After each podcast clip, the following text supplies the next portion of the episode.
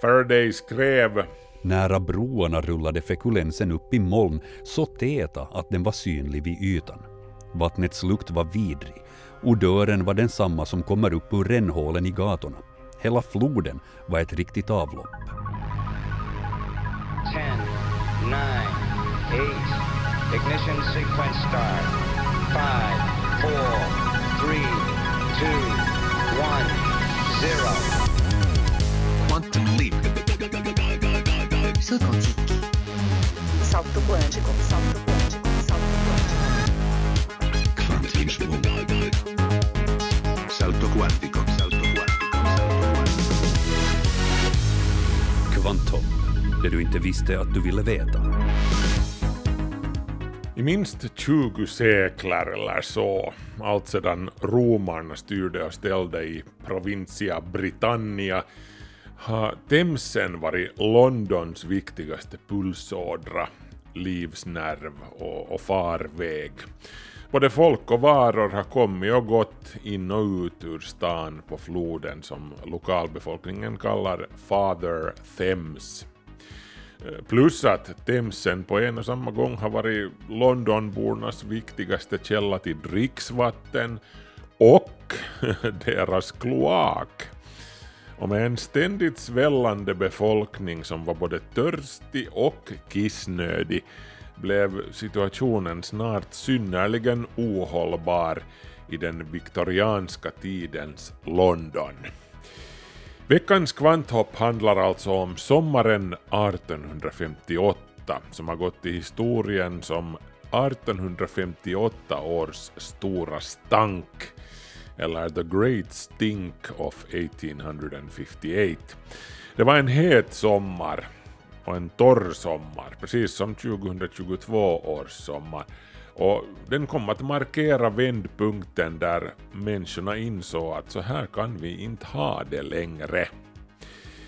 En annan av de sista spikarna den gången, utöver den fullkomligt överväldigande stanken från Themsen som i praktiken var en enda stor öppen kloak, var de återkommande och allt värre koleraepidemierna, eh, även om man på den tiden inte förstod att dra likhetstecken mellan det lortiga flodvattnet och folk som dog i drivor, otroligt nog. Hur som helst, om det bara hade varit folk som blev sjuka och dog, då hade stadens fäder kanske kunnat leva med det. Jag menar, alltid har nu folk blivit sjuka och dött. Eh, men när de makthavande inte ens kunde sammanträda i Westminsterpalatset längre för att, ja, tja, som min morfar skulle ha sagt, det, det skiktar lut. Ja, ni vet alltså, det luktar skit. No, ja. Uh, hur som helst, man gjorde någonting åt saken, tro det eller inte. Fortsätt lyssna så vet du snart mera. Välkommen till Kvanthopp. Jag heter Markus Rosenlund.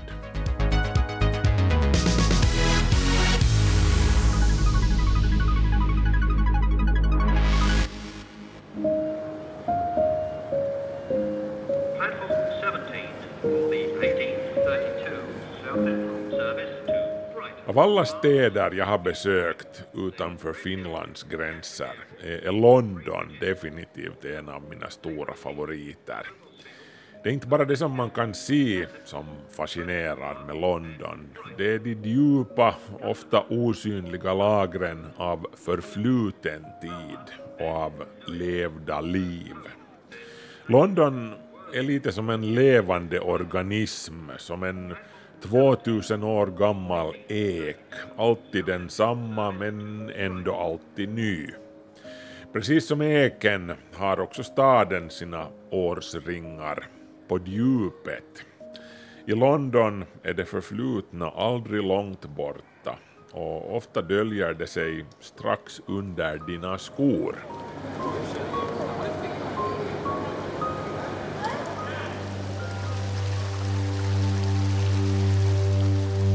London, eller Londinium som namnet löd på den tiden, eh, anlades år 43, vår tideräkning, vid stränderna av Walbrook en av Themsens nordliga bifloder. Walbrook, eller no, det som återstår av floden, flyter där fortfarande, men du kan inte längre se den. Walbrook är numera en av Londons många försvunna floder, tillsammans med bland annat Westbourne, Efra, Tyburn, som flyter under självaste Buckingham Palace, och kanske den kändaste av dem, Fleet. Fleet, som också är den största av de försvunna floderna, rinner ut från två källor vid Hampstead Heath och flyter bland annat under Kings Cross. Fleet rinner slutligen ut i Themsen under Blackfriars Bridge. Men som sagt, du kan inte längre se den, Fleet alltså. Orsaken till det här har uttryckligen att göra med temat för veckans avsnitt av Kvanthopp, 1858 års stora stank. Vi kommer till det. Flit var i sin glansdagar en, en präktig flod, flera hundra fot bred när den nådde Themsen. Men an eftersom stadens befolkning växte förvandlades den alltmera till ett öppet avlopp.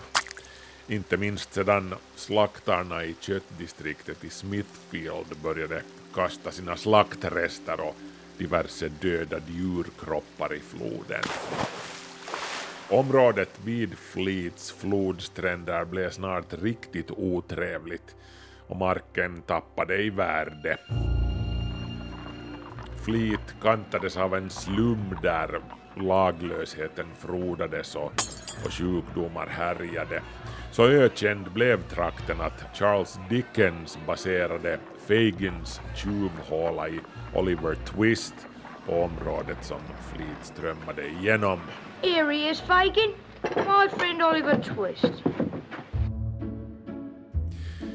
Efter den stora branden i London 1666 införlivades Londons floder i arkitekten Christopher Wrens ambitiösa ombyggnadsplaner för staden. Brens vision var att ha kanaler med bågbroar som i Venedig. Men Fleet blev nog aldrig någon venetiansk kanal, precis som Themsens övriga gamla bifloder. Den förblev en avloppskanal som stensattes och slutligen täcktes över och blev en underjordisk flod. Floden Fleets öde var ganska symboliskt för hela London där folkmängden ökade så fort att stadsplanerarna och infrastrukturen omöjligen kunde hänga med i svängarna. Londons befolkning hade på hundra år svällt upp från knappt en miljon till, till nästan tre miljoner. Så de allt smutsigare bifloderna, bäckarna, dikena och föråldrade dräneringsrören spydde ut sin tjocka bubblande sörja ut i Themsen där dyngan sen låg och guppa upp och ner med tidvattnet. Vissa sanitära framsteg hade i och för sig gjorts vid den här tiden, som det här med vattenklosetten, spoltoaletten marknadsfördes första gången på The Great Exhibition, den första världsutställningen som gick av stapeln 1851 i London. Men att alla snart ville ha en WC där hemma, det, det gjorde bara saken värre för London, ironiskt nog, när hela den här orkestern av porslinstrumpeter prutta ut sin stinkande symfoni i Themsen som rapa tillbaka den in i stan vid varje högvatten. Londons vildvuxna avloppssystem omfattar vid den här tiden cirka 200 000 avloppsbrunnar och, och 360 större avloppskanaler. Vissa avloppsbrunnar läckte metan och andra gaser som ofta fattade eld och exploderade, medan många av avloppen var i fallfärdigt skick. Lägg sen till utsläppen från fabrikerna, slakterierna och annan industriell verksamhet och resultatet blir att det redan sviktande avloppssystemet belastades ytterligare. Och som sagt, största delen av allt det här lortvattnet rann sist och slutligen ut i Themsen.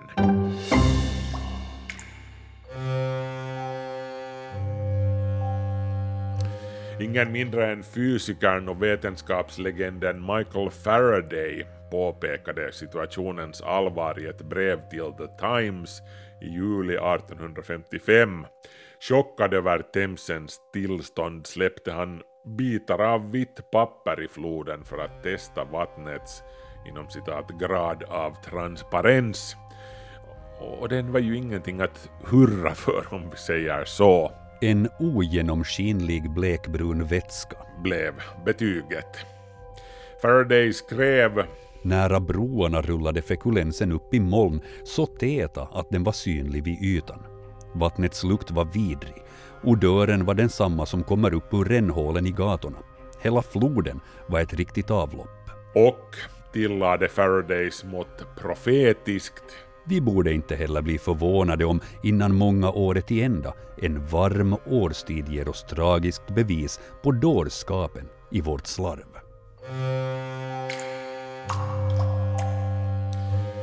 Och det saknades ju inte bevismaterial, inte bara i form av stank. Folk blev rejält sjuka också.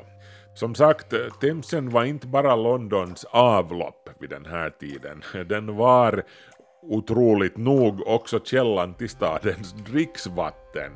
Så dödligheten var hög, inte minst i samband med koleraepidemierna som med jämna mellanrum rasade i London. Men hur obegripligt det än må låta för vår tids öron drog den viktorianska tidens läkare aldrig riktigt likhetstecken mellan smutsigt dricksvatten och sjukdomar. Den rådande teorin beträffande överföring av smittsamma sjukdomar vid den här tiden var nämligen miasmateorin.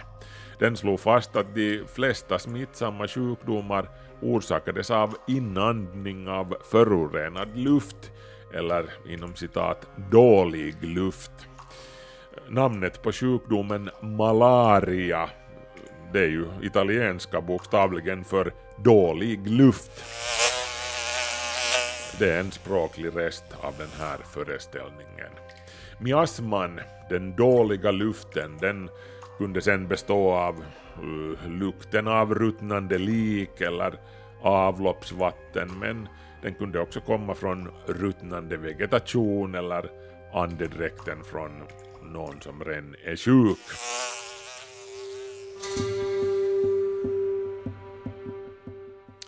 Den här teorin om dålig luft som orsak till sjukdomar kom ursprungligen från antikens Grekland, från Hippokrates och från Galenos, men begreppet miasma det myntades i slutet av 1600-talet, eventuellt av den italienske epidemiologen Giovanni Maria Lancisi. Miasmateorin var orsaken bland annat till att medeltidens pestläkare ofta bar kåpor med en sån här fågelnäbbsliknande inom citat gasmask där inandningsluften filtrerades genom väldoftande örter. Och under 1800-talets koleraepidemier i London var miasmateorin den dominerande förklaringen till sjukdomar bland både gemene man och läkarna och professorerna.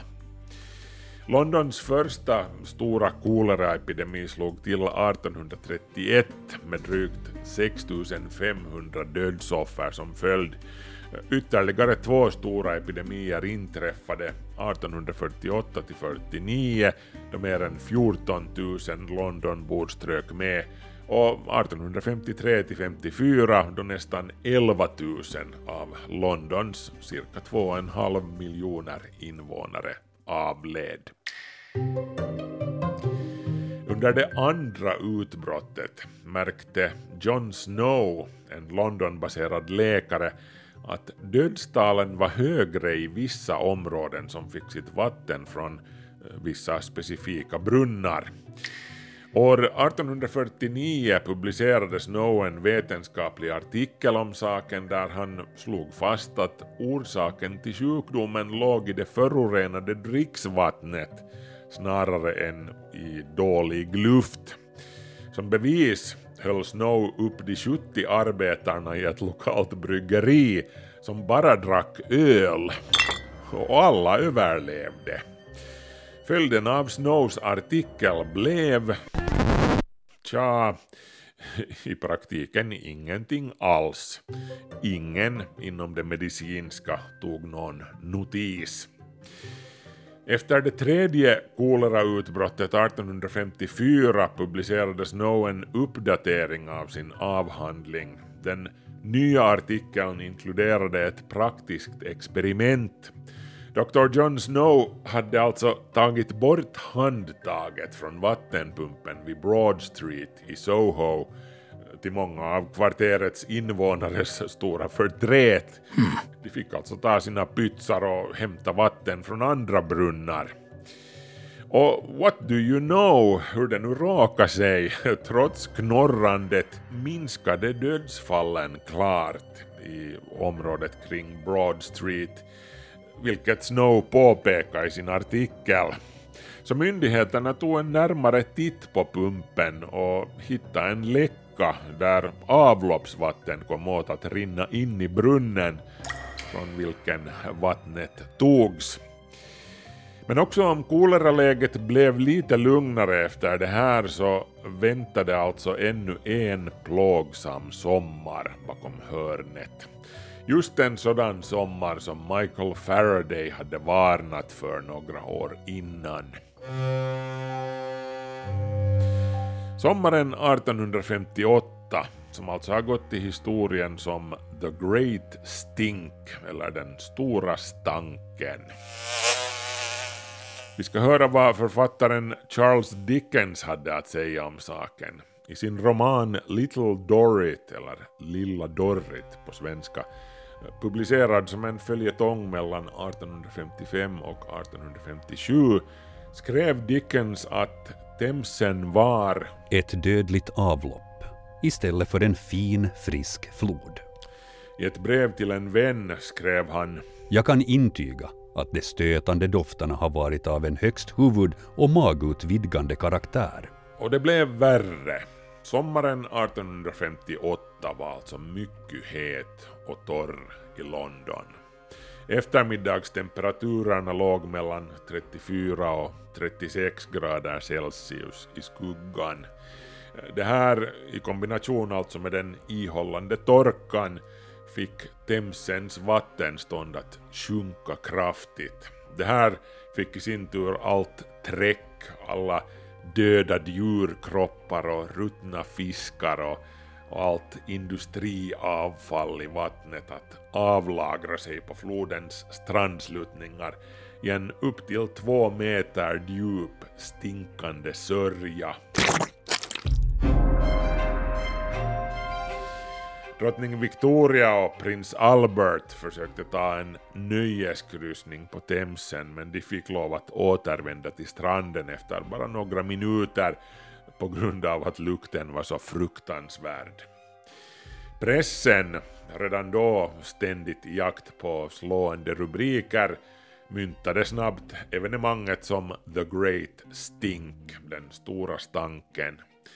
Ledarskribenten i City Press observerade att Det stinker.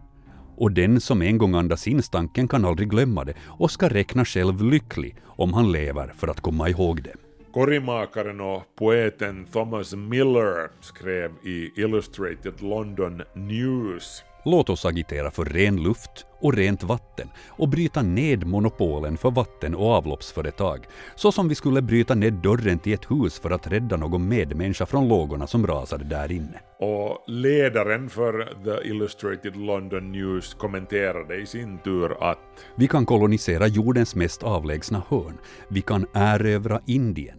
Vi kan betala räntan på den mest enorma skuld som någonsin upptagits. Vi kan sprida vårt namn, vårt rykte och vårt välstånd till världens alla delar.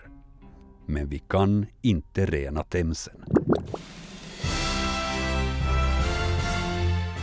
Det brittiska imperiet höll bokstavligen på att ruttna ända in i kärnan.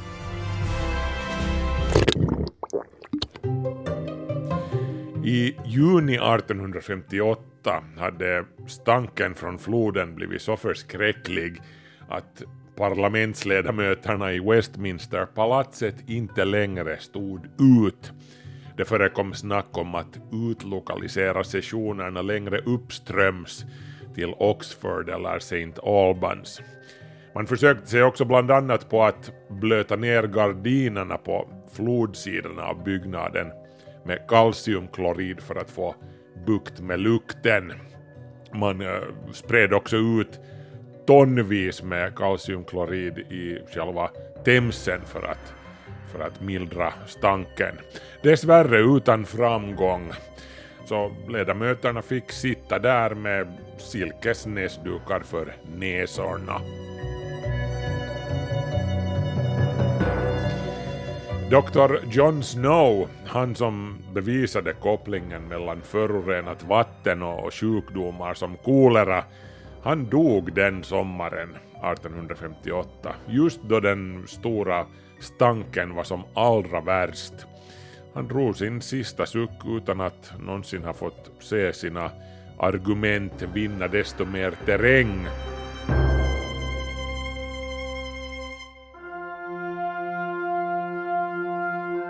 Men själva The Great Stink bevisade ju hur som helst till slut att Snow hade rätt. Den stora stanken borde ju ha varit urtypen för en så kallad miasmatisk händelse med jättedålig luft. Om miasmateorin hade varit korrekt så då skulle ju den dåliga luften som la sig över London den sommaren 1858 har fått folk att dö i drivor. Men det gjorde de inte. De var, de var förbannade och de mådde illa men det blev nu ingen desto större rusning till kyrkogårdarna om vi säger så. Inte större än normalt i alla fall. Och miasma eller inte miasma, nu var beslutsfattarna tvungna att ta itu med grundorsaken till både koleran och stanken. Michael Faraday hade varnat tjänstemännen för att de inte kunde ignorera Themsens tillstånd inom citat ostraffat och nu var det slutignorerat. Toryledaren och finanskanslern Benjamin Disraeli beklagade hur eh, Den där ädla floden hade blivit en helvetisk pöl som luktade av outsäglig och outhärdlig fasa och drev på 18 dagar genom lagstiftning, vilket var rekordsnabbt för den tiden, för att inom citat rena Themsen och dränera metropolen.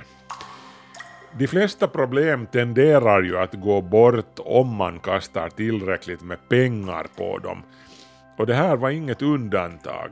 Inte mindre än 3 miljoner pund, det motsvarar 4 miljarder pund i dagens pengar, eh, lades åt sidan för sakens skull.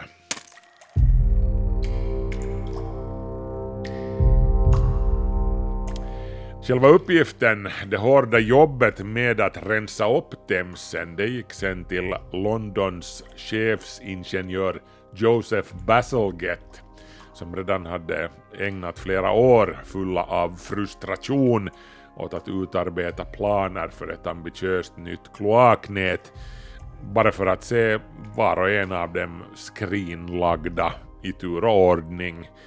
Men nu fick BasilGet äntligen klartecken att börja bygga och han slösade ingen tid. BaselGets plan gick ut på ett nätverk av huvudavlopp som löpte parallellt med floden som skulle fånga upp både skitigt ytvatten från Themsen och avfall från staden och leda dem till ett utlopp nedströms, långa vägar förbi stadens bebyggelse, varifrån det lättare skulle rinna ut i havet sedan. Märk väl med andra ord att det fortfarande inte handlar om att eh, rena någonting, bara leda det lite längre bort så att det blir någon annans problem. Havets problem i praktiken.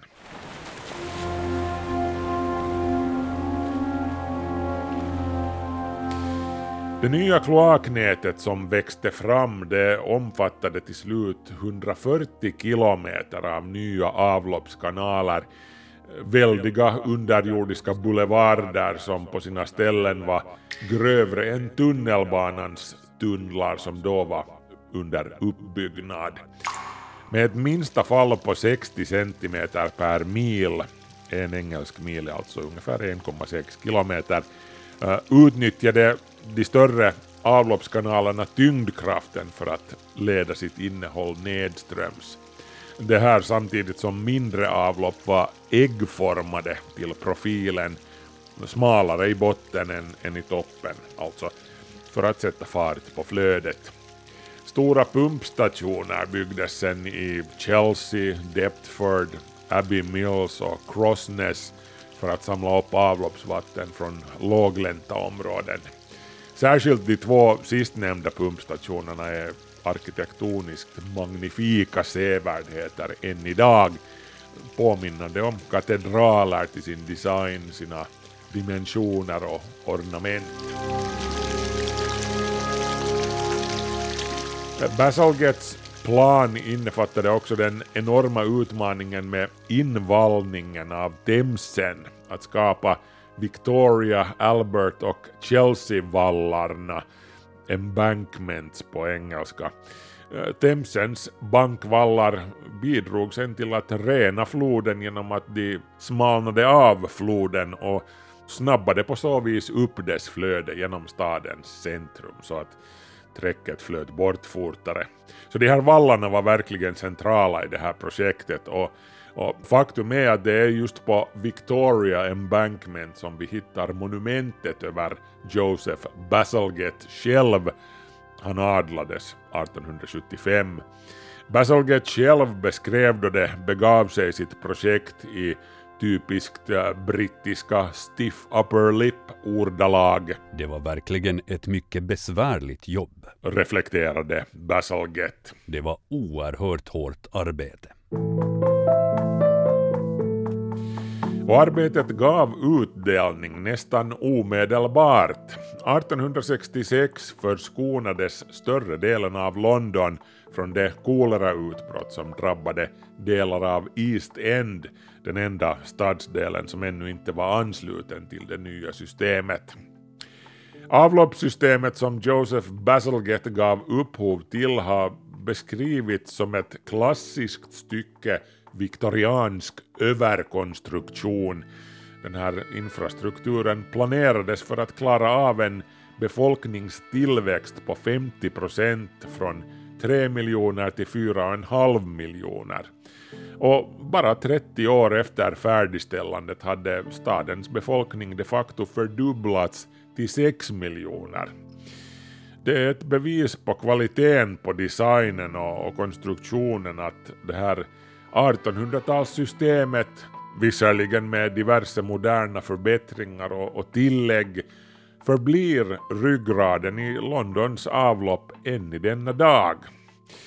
Men den här ryggraden är nu kraftigt ansträngd. Befolkningen fortsätter att öka. London är uppe i mer än 9 miljoner invånare just nu samtidigt som klimatförändringen tidvis bjuder på allt mer dramatiska skyfall och, och svårare översvämningar. Eh, saken blir inte sen bättre av att grönområdena som normalt skulle suga upp en del av överskottsvattnet, de krymper mer och mer. Så Themsen kan mycket väl härskna till än en gång och påminna Londonborna om att man inte kan skita i sin omgivning hur mycket som helst utan att det blir konsekvenser.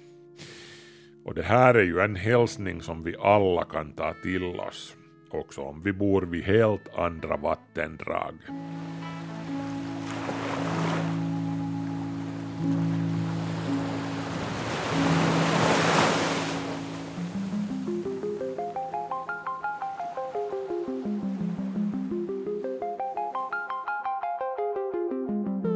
Och med det har vi kommit fram till slutet på det här avsnittet av Kvanthopp.